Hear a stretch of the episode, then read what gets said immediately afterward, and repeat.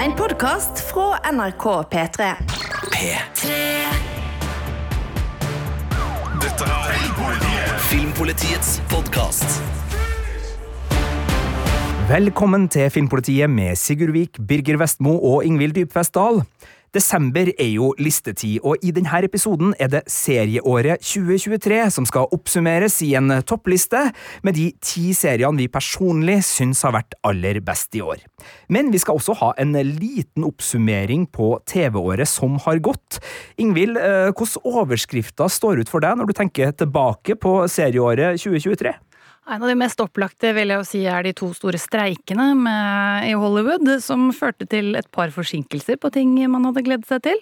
Eh, Det får vi bare finne oss i her, rett og slett. Det er jo viktig å streike innimellom. Og så har det vært, eh, må jeg jo si, et par store ting som jeg hadde håpa skulle være veldig bra, som The Wheel of Time og Loki, eh, med nye sesonger, kanskje ikke har innfridd like bra som vi hadde håpa. Nei, det har vært litt uh, tamt på den påkosta actioneventyrfronten. Der har vi vært rause med terningkast uh, fire. Det, det har vi jevnt over. Enn for deg, Birger, er det noen noe overskrifter som stikker seg ut? Ja, altså, jeg er jo litt sær da med den her Formel 1-interessen min, som jeg har pådratt meg på grunn av Netflix-serien uh, Drive to Survive, så den sesongen, den står jo igjen som et av mine personlige høydepunkt, og jeg kan òg nevne Lucky, som vi har snakka om tidligere i Filmpolitiet, som eh, en dokumentarserie om eh, Bernie Eccleston, mannen som egentlig oppfant eh, den moderne Formel 1-utgaven.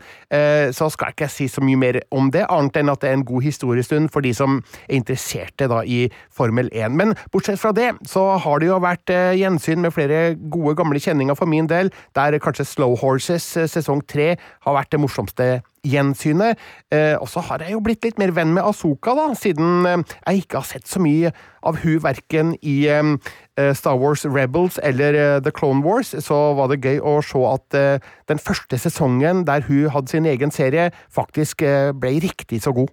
Jeg tror det er en glede mange som er glad i Star Wars, og spesielt The Mandalorian-universet. Fordi The Mandalorian sesong tre kom jo også og var en litt sånn her god, men ikke fantastisk, så da var Asoka et, et høydepunkt i, i, høst. Eh, du nevnte jo et par dokumentarserier der, og det har jo vært et godt år for uh, dokumentarer. Altså Beckham-dokumentaren på Netflix er det jo mange som har kosa seg med. Dear Mama, en dokumentar om Tupac, har også vært veldig god. Den er på Disney pluss. Og ja, 90-tallsnostalgien er tydeligvis noe vi, vi er, glad i her.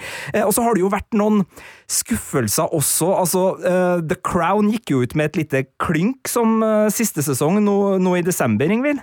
Ja, jeg var ikke helt fornøyd med den. altså. Jeg har jo vært stor The Crown-fan, i hvert fall de første fire sesongene, vil jeg si. Men den sjette og siste, det var fislete greier. Ja, og det er jo en HBO Max-serie som kanskje står igjen som den største skuffelsen og kanskje også til en viss grad floppen. Vi skal jo være litt forsiktige med, med det ordet, og, og, det er kanskje å overdrive, men The Idling, vil, den innfridde ikke forventningene da vi plasserte den på liksom en av seriene vi gleder oss aller mest til i år. Nei, på ingen måte. Der hadde du jo store navn som ikke innfrødde på noen som helst måte, og den, den egentlig skulle henge ut det å være spekulativ, endte opp bare med å være spekulativ i seg selv.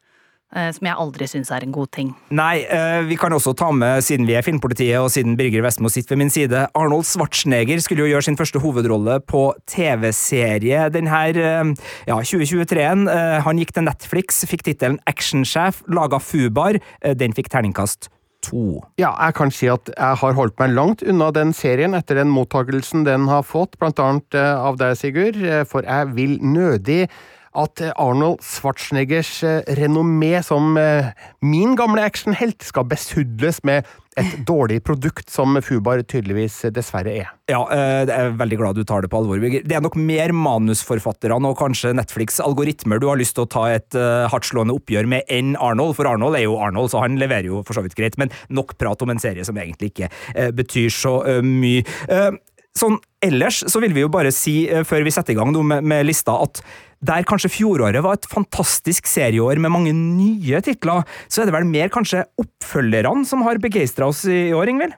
Ja, det har vært mange gode oppfølgere. Slow Horses, som Birger var innom. Jeg syns også Somebody Somewhere sesong to, eh, og et par andre vi skal innom etter hvert nedover her. Og jeg vet du elsker What We Do In The Shadow sesong fem, så det har vært mange eh, altså oppfølgersesonger som har vært kjempespennende bunnsolide, eh, men vi har kanskje savna noe friske nytt. Jeg må bare nevne, for meg også høydepunkt som eh, ikke nådde helt opp på lista. Beef, for eksempel. Raindogs på HBO Max og A Murder at the End of the World på Disney pluss. Og jeg vil skyte inn en serie som jeg faktisk har anmeldt. Jeg anmelder jo stort sett kinofilmer, men eh, i høst så måtte jeg an, uh, anmelde sesong fire av den tyske serien Babylon Berlin, som jeg ser ikke er med på den topp ti-lista vi nå skal gå igjennom, av en eller annen mystisk årsak. Uh, Syns i hvert fall at den er god nok til å nevnes her, da, for jeg brukte overskrifta 'Avhengighetsskapende film noir' i serieformat, og ja, for de som har sett de første sesongene av Babylon Berlin, så er den fjerde sesongen eh, virkelig like god som de foregående, og faktisk med et litt høyere spenningsnivå, samtidig som det formemessige fremdeles er utrolig gjennomført. Ja, eh, NRK TV er plassen der. Og, og, nå har dere jo begge gitt meg en god anledning til å, å, å klargjøre litt på regler og, og hvorfor ting har blitt som det er blitt. fordi det er helt klart at den lista her eh, er subjektiv. Det er jeg og Ingvild som har bestemt den. Birger, du har ikke fått lov til å vært med, men du har derimot da fått lov til å bestemme filmlista, som også kommer i podkastform her eh, i appen NRK eh, Radio. Men eh, det må være sånn at seriene har kommet i år, eh, og vi må ha sett dem, og vi må ha likt dem skikkelig godt. Det er de personlige favorittene som er avgjørende her, så det er ikke nødvendig sånn at en serie som har fått terningkast fem, ikke kan danke ut en terningkast seks-serie på, på rekkefølgen her, fordi det er den personlige smaken som er avgjørende, og ikke nødvendigvis akkurat den der film- og seriekritikerbiten.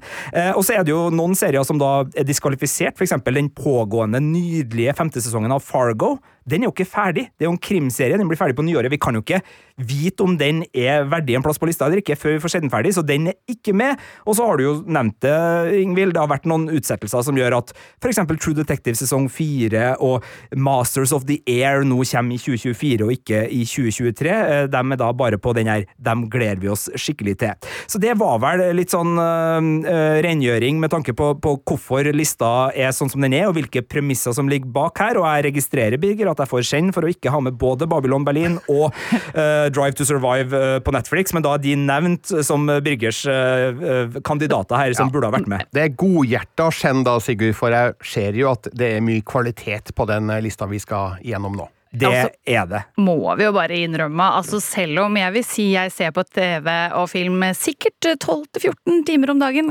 kanskje 10-12 i stedet, men uansett, selv da rekker ikke alt jeg veldig, veldig gjerne skulle sett der ute. Jeg vet det er titler som folk bare ja, men hva med den, hva med den? Jeg må innrømme det. Vi har ikke rukket å se alt. Og som alltid sitter du med et serietips som vi i Filmpolitiet av en eller annen grunn har ignorert, ikke fått med oss, eh, bare gått glipp av. Send oss gjerne en e-post til filmpolitiet alfakrøll.nrk.no og fortell oss om den serien. Eh, det kan jo hende at vi både på eh, sofaprivaten eller i podkastform ender opp med å skravle om den senere en gang. Men nå ikke noe mer nøling. Nå går vi på lista, og vi skal gjøre det sånn at tiende til sjetteplassen får en kort introduksjon. Så tar vi oss litt bedre tid med topp fem. Og vi starter på tiendeplass. Der finner vi en serie som ligger på Disney pluss, og som heter Fleischman is in trouble, Ingvild. Ja, dette er en serie jeg så ganske tidlig på året. Eh, den har Jesse Eisenberg og Claire, Danes i hovedrollene, og handler altså om Toby Fleischman, som skal skilles etter 15 år. Da havner han både i en eksistensiell krise, og vi får en slags krimhistorie i tillegg fordi kona på en måte forsvinner. Dette er en serie jeg syns du må se på både på grunn av ekstremt gode skuespillerprestasjoner, og så har den veldig stilig visuelt uttrykk. Det er et godt tips. På niendeplassen skal vi til HBO Max og finalesesongen av den sorte komedien Barry, hvor Bill Hader, komiker kjent annet fra Saturday Night Live og en rekke filmer, både spiller hovedrollen og har regi og er serieskaper på denne sesongen. Det er en serie om en uh, tidligere spesialsoldat som livnærer seg som leiemorder i Los Angeles, samtidig som han prøver å få livet på rett kjøl ved å bli teaterstudent, så her er det både skråblikk på Hollywood og skuespilleryrket, og en krimhistorie som er altså så full av eh, Ja, Birger, nå skal jeg si det du liker at jeg sier. Typete typer. Eh, altså meget eksentriske rollefigurer som alle sammen får meg til å flire eh, veldig mye. Så Barry sesong fire på HBO Max er på niendeplass. Jeg fortsetter, for jeg valgte inn åttendeplassen nå. En gammel favoritt for Sigurd Vik, nemlig Timothy Olyphant, kjent fra Deadwood og uh, The Mandalorian, og også Justified, en av mine favorittserier som gikk fra 2010 til 2015. Nå fikk den et comeback med miniserien Justified City Prime Evil, og den er akkurat like god som originalen! Den er helt sheriff! Og ligger på Disney pluss. Så hvis du liker western i moderne drakt, fytti rakkeren. Sjuendeplassen den tror jeg du skal få lov til å si to bevingede ord om, Birger, for det er en norsk serie som går på NRK TV, og som heter Makta. Ja, det er riktig, og den har vi ikke anmeldt, vi i Filmpolitiet, fordi vi kan ikke anmelde NRKs serier, da er vi inhabile. Men vi kan heller ikke underslå det faktum at det her er en av årets beste serier. Eh, den har jo um, fenga interessen hos et bredt lag av befolkninga, eh, og den har jo en ganske spesiell form, for det handler jo om norsk politikk på 1970-tallet, nærmere bestemt Arbeiderpartiet og Gro Harlem Brundtland fabelaktig spilt av Katrine Thorborg Johansen. Eh, og ikke minst Jan Gunnar Røise er jo helt eh, strålende som Reiulf Steen. Eh, og det er jo en serie som er innspilt i nåtida, altså med Oslo anno 2023 i bakgrunnen, og det er det jo en del som ikke har skjønt poenget med, da. Der har symbolet blitt sparkesykkel, har ikke det? Jeg syns Ja. alle sammen sier ja, men det er jo sparkesykler i makta! Det er jo helt feil! Men eh, det her er jo et eh, grep for å løfte handlinga frem til vår egen tid, for å egentlig vise eh, hvilke ringvirkninger politikken de eh, la an på 1970-tallet har den dag i dag, eh, og også gjør figurene og historien litt mer levende for oss. Og så kan det vel kanskje ikke unnslås at det var litt billigere for eh, produksjonen å gjøre det på den måten, istedenfor å gjenskape 1970-tallet i Oslo sentrum. Men Det- ja. en fantastisk eh, fin serie, veldig morsom eh, formgrep og eh, en spennende historie basert på ting som faktisk har skjedd da i norsk eh, politikk. Ja, og ø, makta fortsetter også i 2024, så den serien er ikke ø, ferdig.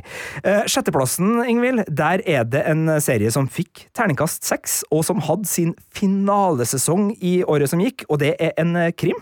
Ja, det er en oldie but a goodie, Happy Valley, som først kom i 2014. Eh, Det er en krimserie som jeg liker veldig, veldig, veldig godt. Happy Valley kan jo sies å nesten være ironisk. Det, vi befinner oss i en eh, liten eh, landsbygd i West Yorkshire, og der har vi politibetjent Catherine Kaywood, spilt av Sarah Lancashire. Eh, Hun har altså måttet hamle opp med så mange doser sorg, tap og skurker og idioter gjennom to sesonger. I den tredje så dukker erkefienden Tommy Lee Royce opp igjen. Eh, Han kan muligens knyttes til enda flere forbrytelser. Og her balanseres altså noen mesterlige krimelementer med noe sånn veldig lavmælte personlige dramaer. Så for meg ble dette et helt perfekt farvel. Jeg skal øh, ikke øh, si det så bastant at øh, høytid uansett er krimtid, men altså påska er jo krimtid. Jeg vil slå et slag for at jula kan også bli krimtid hvis du ikke har sett noe av Happy Valley og har muligheten til å fråtse i de tre sesongene, for det er noe av det beste britisk krim har hatt å by på de siste årene. Eh, TV2 Play har sesong én og to, og NRK TV har sesong én, to og tre.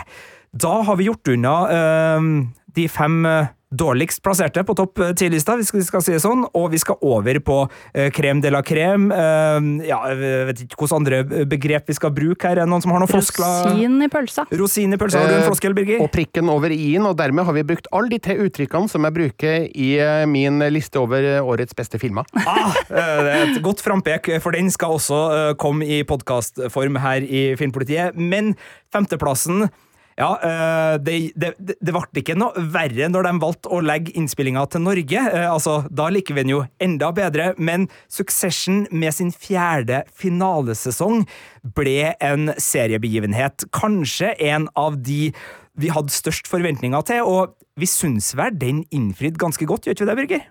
Ja, absolutt. Det har jo vært en glede å følge familien Roy gjennom disse sesongene. Den interne maktkampen mellom dem, og den dynamikken mellom de ulike familiemedlemmene, som jo er for så vidt tufta på noe vi kan kjenne igjen fra egne liv, bare dratt ut i eh, endte potens, og med langt større verdier på spill da, enn det vi kanskje opplever til daglig i våre respektive familier.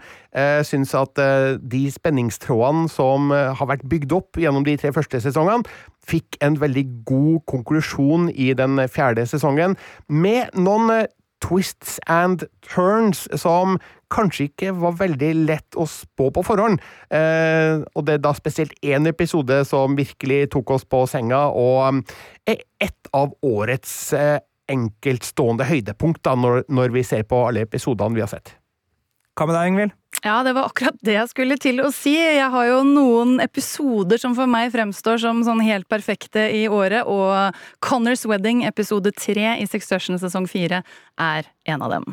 Ja, eh, Og så var det jo vel var det episode fem som foregikk eh, i norske omgivelser. Både på, på fjelltopp og på luksushotell og, og, restaurant. Eh, hva syns du om Norges bidrag i finalesesongen av Succession, Ingvild? Altså, jeg er såpass enkel at jeg syns alle bidrag av Norge i kjente serier og filmer er gøy.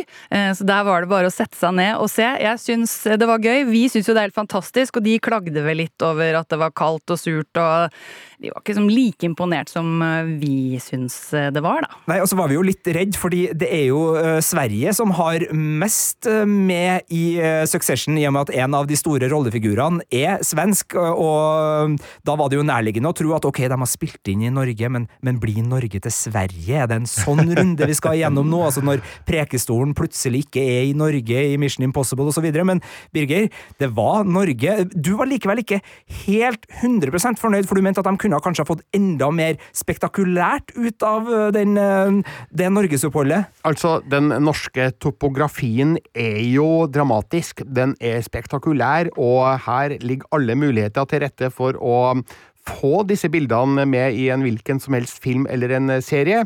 Det var jo ikke stygt, det vi så i den norske episoden av eh, Succession sesong fire, men eh, jeg satt og tenkte at jeg vet jo det fins enda penere natur rundt omkring på Vestlandet enn det de greide å fange inn der, så kanskje var de òg litt uheldige med været. Det virka, det var, virka som det var litt kaldt og surt, i hvert fall på den første innspillingsdagen, men vi fikk jo noen virkelig flotte fjellbilder da fra Åndalsnes, så eh, jeg så ikke helt mørkt på det. Men, men jeg var litt spent på forhånd, nesten litt sånn nervøs på Norges vegne. Hvordan vil Norge ta seg ut? Eh, kommer det her til å bli god reklame for landet vårt, og kommer utlendingene til å synes at å, Norge, det må være et flott land, men det tror jeg kanskje at man syns da, etter å ha sett den episoden.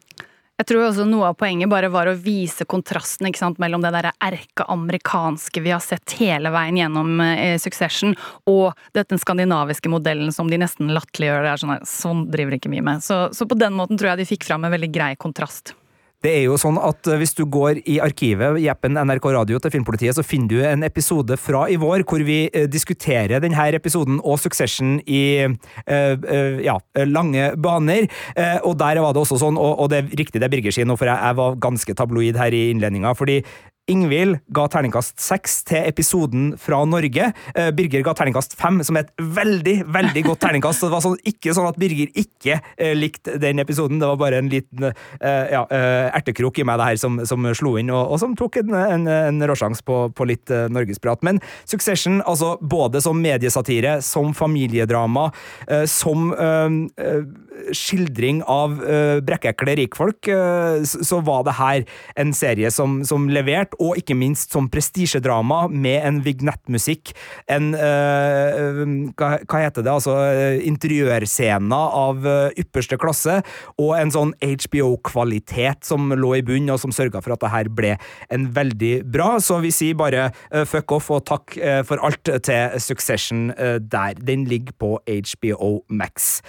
På fjerdeplassen så har det sneket seg inn noen eh, superhelter fra The Boys-universet på Prime Video, men ikke ikke en ny sesong av The Boys. Det her er en spin-off som heter Gen V, Ingvild.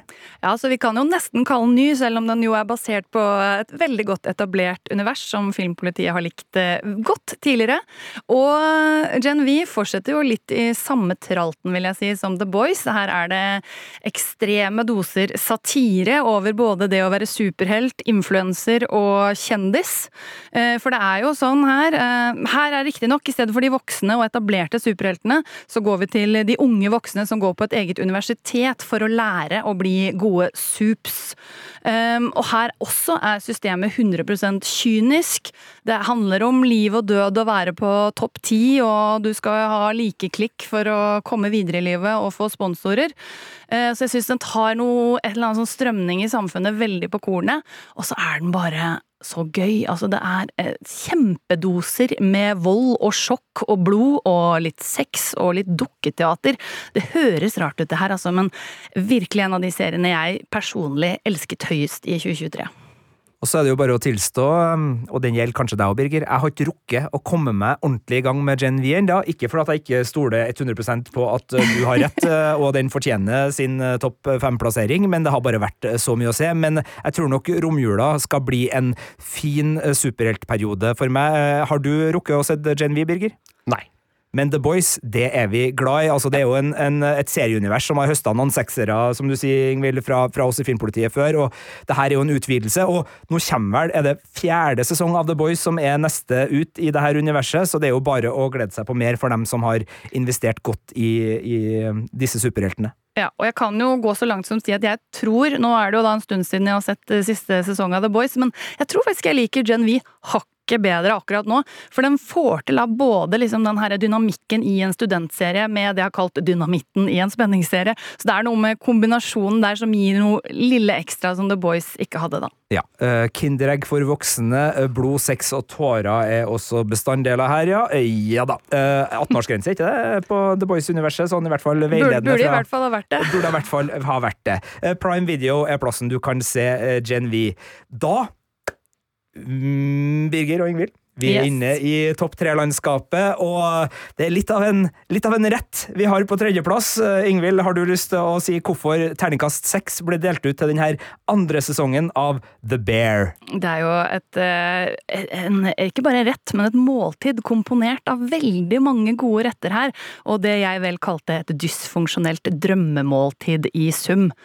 Og dysfunksjonelt fordi de liksom hele tiden søler og prøver og feiler, men likevel oppnår hva jeg vil si ganske nær suksess. Ja, nei, Det er, jo en, en serie som har fått terningkast seks både for sin første sesong og sin andre sesong av oss i Filmpolitiet. Jeg tror første sesongen kom vel på var det andreplass på topplista i fjor, og, og tredjeplass i år, så, så det må jo sies noe om eh, nivået og, og det at den holder seg god her. Eh, Birger, eh, matlaging kombinert med familiedrama fra en sandwichbule i Chicago, hvordan syns du det har vært? Ja, det smaker godt, for å bare fortsette med matanalogien her. Men eh, altså, The Bear sesong én og to er veldig flotte eh, sesonger. Jeg er nok ikke helt oppe på sekseren sjøl, men jeg tenker jo at det er en god femmer, i hvert fall for min egen personlige del. Men jeg skjønner jo at det her har grepet og engasjert eh, andre mer enn det har grepet og engasjert meg, så her er det bare å si at eh, kanskje tar jeg feil, Ingvild.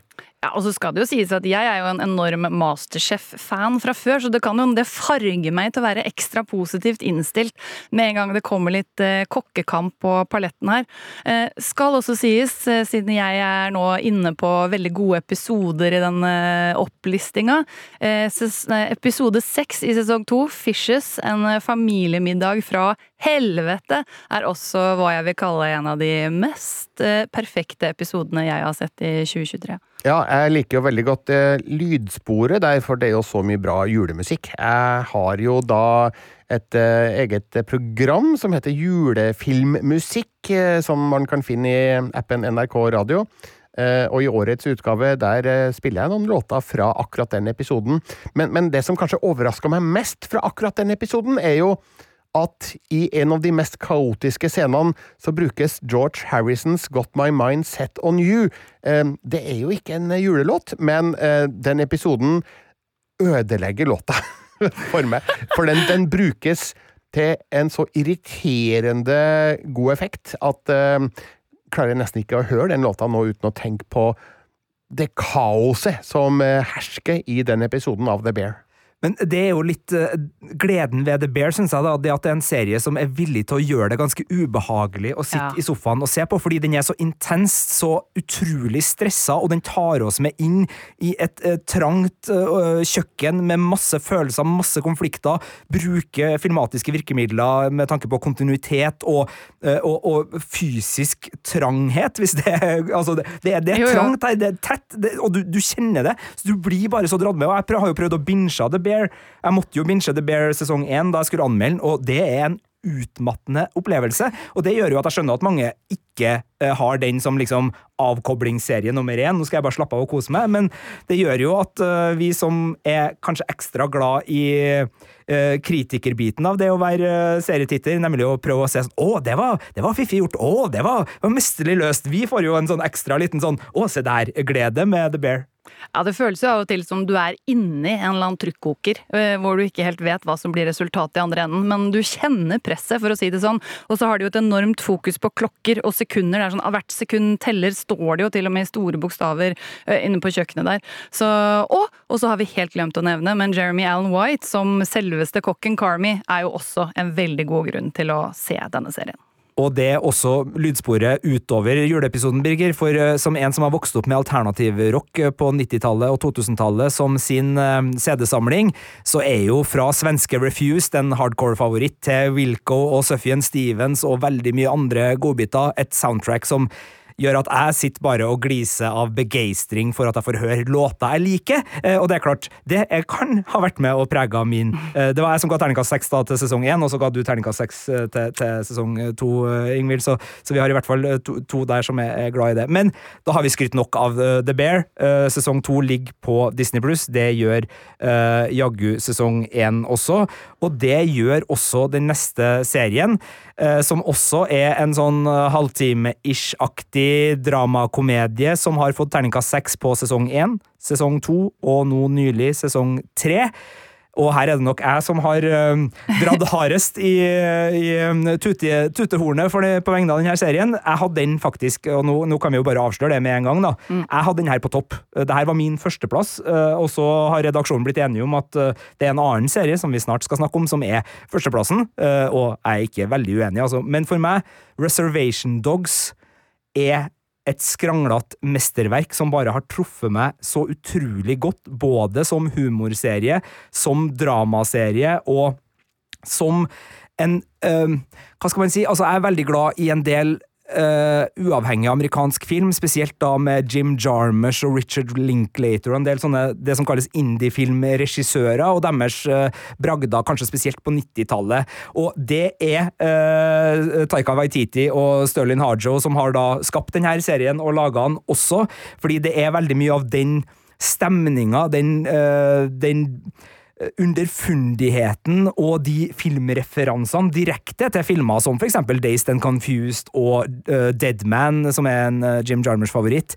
Og, og det gjør jo at jeg er jo så hjemme her at det skal mye til at jeg ikke liker det. Så, så det må ligge der som et lite forbehold, men jeg har ikke lyst til å ta noe forbehold for å gi terningkast seks til uh, de her seriene, for det er bare rett og slett helt nydelig. Som jeg sa, Taika Waititi uh, er vel den mest kjente serieskaperen her, kjent da fra en mengde filmer, annet Thor Ragnarok og Jojo Rabbit, snart aktuelt med Next Goal Wins, og har da sammen med Stirling Harjo og en rekke eh, komikere uh, satte seg ned og laga det her. Og det er mye sketsjkomedie i en del av episodene, men det er også en, en serie som tar seg god tid. og der sesong én handla om fire ungdommer som vokser opp på et reservat i eh, Oklahoma i USA, og som drømmer om å komme seg til California, så har gjennom tre sesonger. Det her blitt ikke en oppvekstskildring for de, men en oppvekstskildring for et helt samfunn, for her har, etter hvert som sesongene har gått, besteforeldre og foreldregenerasjonene blitt kobla på, både i tilbakeblikk og gjennom hvordan de lever nå, og dermed så ser vi hvordan et samfunn både påvirker hverandre, hvordan man minnes de man mister, hvordan man tar vare på hverandre, og det her er jo ikke en hvilken som helst plass. altså det er klart, eh, USAs elendige behandling av sin egen urbefolkning ligger jo og, og trykker på her. og eh, det gjør jo også at serien har noen vemodige og, og provoserende lag, og det er en tilbakeblikksepisode i sesong tre som tar oss tilbake til en internatskole, eh, hvor da eh, eh barn skal avlæres sin kultur og, og indoktrineres. Eh, og det, det, altså det, det, er så opprivende og, og, vondt å se. Og sånn, det at serien har liksom det spennet, at den kan ta opp i seg det, og så lage teit, fjasete komedie rett etterpå, det syns jeg er en styrke som, som, virkelig gjør det her til en, en serieskatt. Jeg skjønner at den ikke er for alle. Det, det, det, har jeg både fått eh, direkte beskjed om eh, fra folk som har lest anmeldelsene mine og sagt at eh, du, den her likte ikke jeg i det hele tatt. Men jeg har også fått veldig mye tilbakemelding fra folk som er veldig glad i denne serien her, og som oppdager den. Og den fortjener flere seere, så nå er jeg i full promomodus her, som dere hører. Jeg promoterer da Reservation Dogs, og jeg syns også den er for meg et lite lyspunkt i strømmetjenestelandskapet. fordi man merker jo med algoritmer og muligheter eh, de som bestemmer hva som skal lages, har, at det er veldig mye som blir tilpassa publikums behov, og det er liksom det må være så og så mange som har sett det, og det, det måles sånn hvor mange så den første uka, hvor mange så den andre uka. Men samtidig så er det jo så utrolig god plass på strømmetjenestene. Det gir oss jo filmopplevelser som er helt nydelige, med filmer som kanskje er så store og så sære at de kanskje ikke ville ha havna på kino eller blitt øh, satsa på av øh, andre filmselskap. Og det gir oss sånne TV-serier som det her, hvor personlige historier og personlige uttrykk kan bli laga uten at det oppleves som om at noen har vært og pirka borti det og sagt sånn Nei, øh, publikumstestgruppene sier at den vitsen var litt dårlig, og der var du litt for kvass, og der var du litt for skarp. Altså her opplever jeg at de har fått lov til å fortelle akkurat den historien de vil, sånn som de vil, og det er noe av det vakreste som kan skje på en strømmetjeneste, at man da får muligheten verden over et, på en strømmeplattform som Disney Pluss, som ellers kan være ganske opptatt av publikumstall og, og sånne ting. Nei, Det syns jeg er helt nydelig. Så gjerne sjekk ut Reservation Dogs eh, sesong tre. Et eh, skrangle... Og én og to. Et skranglete mesterverk, har jeg eh, kalt det. Så da var den monologen ferdig. Vi går videre til førsteplassen, eh, og der er det to andre som skal få ta seg av eh, snakkinga nå. Ingvild, hvorfor er The Last of Us på HBO Max årets beste serie? Jeg syns jo nummer én Det er ikke så ofte alle vi tre er enige om ting, men her var vi ganske enige om at dette lå helt i toppsjiktet. Eh, nummer to Det er jo en gripende zombie-action-historie. Det er ikke så ofte du får. Eh, men eh, det er jo selvfølgelig ikke bare en ren action Nei, jeg mener zombiehistorie her. Det handler jo om eh, soppinfiserte mennesker som blir monstre, og ikke minst så har vi altså to ekstremt gode rolleprestasjoner i sentrum fra Pedro Pascal og Bella Ramsey, som blir et umake par som, hvor han da må lede henne på tvers av et veldig farlig USA. Birger, hvorfor syns du The Last of Us eh, er en knallgod serie? Ja, nå må jeg jo bare minne om at jeg har jo ikke vært med på utforminga av denne lista, da. Men jeg er jo ikke direkte hylende uenig i at The Last of Us var en terningkast seks-serie. Jeg ble jo også grepet og engasjert av en historie som mange jo har kjent på forhånd hvis man har spilt eh, spillet. Det har ikke jeg gjort, så det her var første gang jeg ble med disse to figurene på denne reisa gjennom et zombieinfisert USA. Men eh, jeg syns jo det var spennende. Det var morsomt innimellom, men mest av alt gripende. og der er det jo Pedro Pascal og Bella Ramsays eh, connection da, som står i fokus. Jeg syns de gjør glitrende prestasjoner, og vi skjønner jo da veldig snart at eh, de to har et anstrengt forhold. De har jo ingen eh, intensjoner om å like hverandre, men i løpet av serien så begynner hjertene å banke. Eh, altså ikke på et romantisk vis eh, for den som ikke har sett serien, men det blir sånn far-datter-forhold her. Men vi må jo nevne den episoden. Altså episode tre, Long Long Road, som Time. Unnskyld, Long Long Time, ja, selvfølgelig. Som eh, for meg og mange andre eh, står igjen som en av de beste episodene jeg har sett av hvilken som helst serie noen gang. Jeg vet ikke om eh, Har dere noen sterke minner fra Long Long Time? Ja, Som var en helt nydelig kjærlighetshistorie. Og det var det jeg syns var så deilig med, med, denne serien her, at vi satt jo og venta på disse episodene ukentlig. Og de kom jo også som en sånn overraskelsespakke hvor du ikke helt visste hvilken tone du fikk i hvilken episode.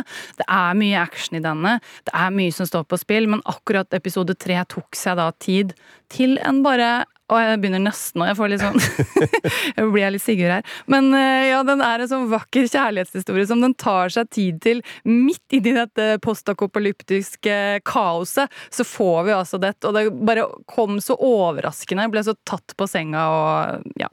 Kjør på. Ja, fordi Joel og Ellie, da, som er hovedfigurene, for de som ikke har sett serien, spilt av Pedro Pascal og Bella Ramsey, de, de skal da oppsøke Bill, spilt av Nick Offerman i Lincoln, Massachusetts, eh, og da får vi flere flashbacks der vi følger Bill gjennom 20 år, og hans forhold til Frank, spilt av Murray Bartlett. Og ja, altså, den som ikke sitter med en klump i, halsen eller en tåre i øyekroken, eh, eller hylgrin for en del, når episoden er over, eh, har ikke et hjerte. For eh, ja, dette var virkelig sterke saker, så bare den episoden alene er jo med å gi hele serien den posisjonen den nå har på vår liste. Ja, eh, det er et, et, lite stykke kunst, rett og slett. Eh, både i Altså, skuespillervalget er så godt, òg. altså, Nick Offerman er jo en, en komifavoritt hos mange, spesielt da etter rollen som Ron Swanson i Parks and Recreation, som er en av de aller beste komiseriene, i hvert fall arbeidsplasskomedieseriene jeg vet om, og Murray Bartlett, som har imponert så godt i serier som Looking, og ikke minst første sesongen av The White Lotus. Og eh, sånn, Hvis noen hadde sagt til meg på forhånd vi skal bruke dem toene i en episode sammen, så hadde jeg blitt glad, men jeg kunne ikke ha forutsett hvor bra det skulle bli, fordi de to får en kjemi som altså er helt formidabel i TV-ruta og, og, måten den historien fortelles på. Altså, ja, øh, du, du, nevnte grining, nå skal jeg være litt øh, forsiktig her, men dere sa det jo også, øh, og du sa det med de tonene du, du nevnte, altså hver episode ble en begivenhet, og, og det vel litt av årsaken til at La Stofos stikker seg ut som en av, og, og, da havner på toppen av, av lista. altså det var vel nesten ingen andre serier som i like stor grad fikk oss til å gå og glede oss til neste ukes episode som The Last of Us. Altså, det har vært mange gode. Succession gjorde det. Uh, nå ble vel The Bear dumpa i én eh, setting. Det ble også Reservation Dogs, så, så, så, det er jo litt sånn ulike måter strømmetjenestene tilbyr serier på. men men serier som Makta, serier som Succession og, og, da The Last of Us, hvor du liksom blir med i samtalen, og du går og venter forventningsfullt, og du snakker med vennene dine om forrige episode, du rekker å fordøye den ordentlig, og du begynner å glede deg, og som du sa, Ingvild, når det i tillegg da er litt sånn her, lurer på hvordan toneleie, er det B-film-action med zombiespringing, eller er det det såreste, mest opprivende hjertedramaet jeg skal få når The Last of Us kommer i neste episode? Det var en av de store gledene for meg med den serien. Og det tror jeg også er viktig å understreke at dette er jo ikke først og fremst for folk som liker zombieserier. Dette er en serie for absolutt alle fordi den har så mange elementer. Og heller ikke Jeg har jo ikke spilt eh, spillet den er basert på, men fikk absolutt eh, maks uttelling ut av serien uansett. Så eh, det her tror jeg folk kan åpne sinnet sitt litt og gi den et forsøk, og se om de kanskje kan like en litt annerledes eh, zombieserie for en gangs skyld.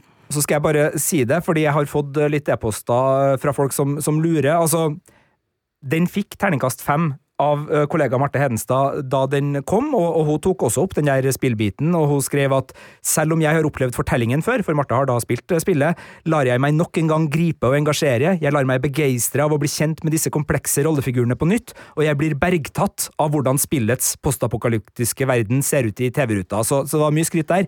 Men den anmeldelsen var basert på starten av sesongen, eh, så det var ikke hele sesongen, og, og Marte skal sjøl få lov til å fortelle om hun endte opp med en femmer eller noe annet på terningen etter hvert, men det var som vi sa innledningsvis, altså det må ikke nødvendigvis være sånn at kritikerne i Filmpolitiet uh, har gitt terningkast seks og bordet fanget, og derfor så må den være over en serie som fikk terningkast fem, for det er jo sånne ting som vi snakka om, det at den ukentlige begivenheten denne serien blir, altså vi anmelder jo på forhånd, ser masse episoder i én sett, de elementene får vi jo ikke nødvendigvis med oss i en anmeldelse, og så er det jo den der personlige smaken, da, altså, hva, altså en ting er at du kan gi terningkast seks til noe som bare er fantastisk godt laga, som du anerkjenner som kunstverk, men så er det jo den biten av deg som krøller opp i sofaen og som ser kun det du elsker. Og, og der er jo sånne lister som det vi holder på med nå, eh, i, i, i krysninga, da, sånn at eh, det er jo de personlige seriesmakene som også er med. Så dere som har eh, sendt inn og lurt på liksom, hvorfor kan en terningkast fem-serie ligge over terningkast seks-serier på listene våre, så du finner lista hvis du går på p3.no filmpolitiet, eh, så er det et, et forsøk på å forklare hvorfor det kan bli noen terningkast seks-serier i enden av lista, mens andre som da ikke fikk terningkast seks, kan toppe lista. Så det var det. Eh, det er bare å, å gå inn og lese mer. Hvis du går inn i den listesaken på nett, så finner du også Boblene, altså seriene som nesten ble med på lista. Og som dere alle vet eh, her rundt bordet, det er ikke lett å skille hva som skal inn på i hvert fall den fem- til tiendeplassen, og hva som akkurat havner utenfor. I hvert fall ikke når man har ulike lister, har sett ulike ting og skal bli enige om det her, men der er det mange gode serietips. Og med det så ønsker vi dere bare god TV-jul her fra oss i Filmpolitiet. En podkast fra NRK. Hei, jeg heter Ingrid Waaler. Synes du Love Island er mer interessant enn Premier League? Ingen kommentar. Hva er trash noe for deg? I'd like to know what's going on between Carly Kloss and Taylor Swift. Hver uke inviterer jeg deg og en gjest til å menge oss i all den deilige søplete popkulturen som finnes der ute. You know what's good for me? That's my opinion! Hør Trash i appen NRK Radio.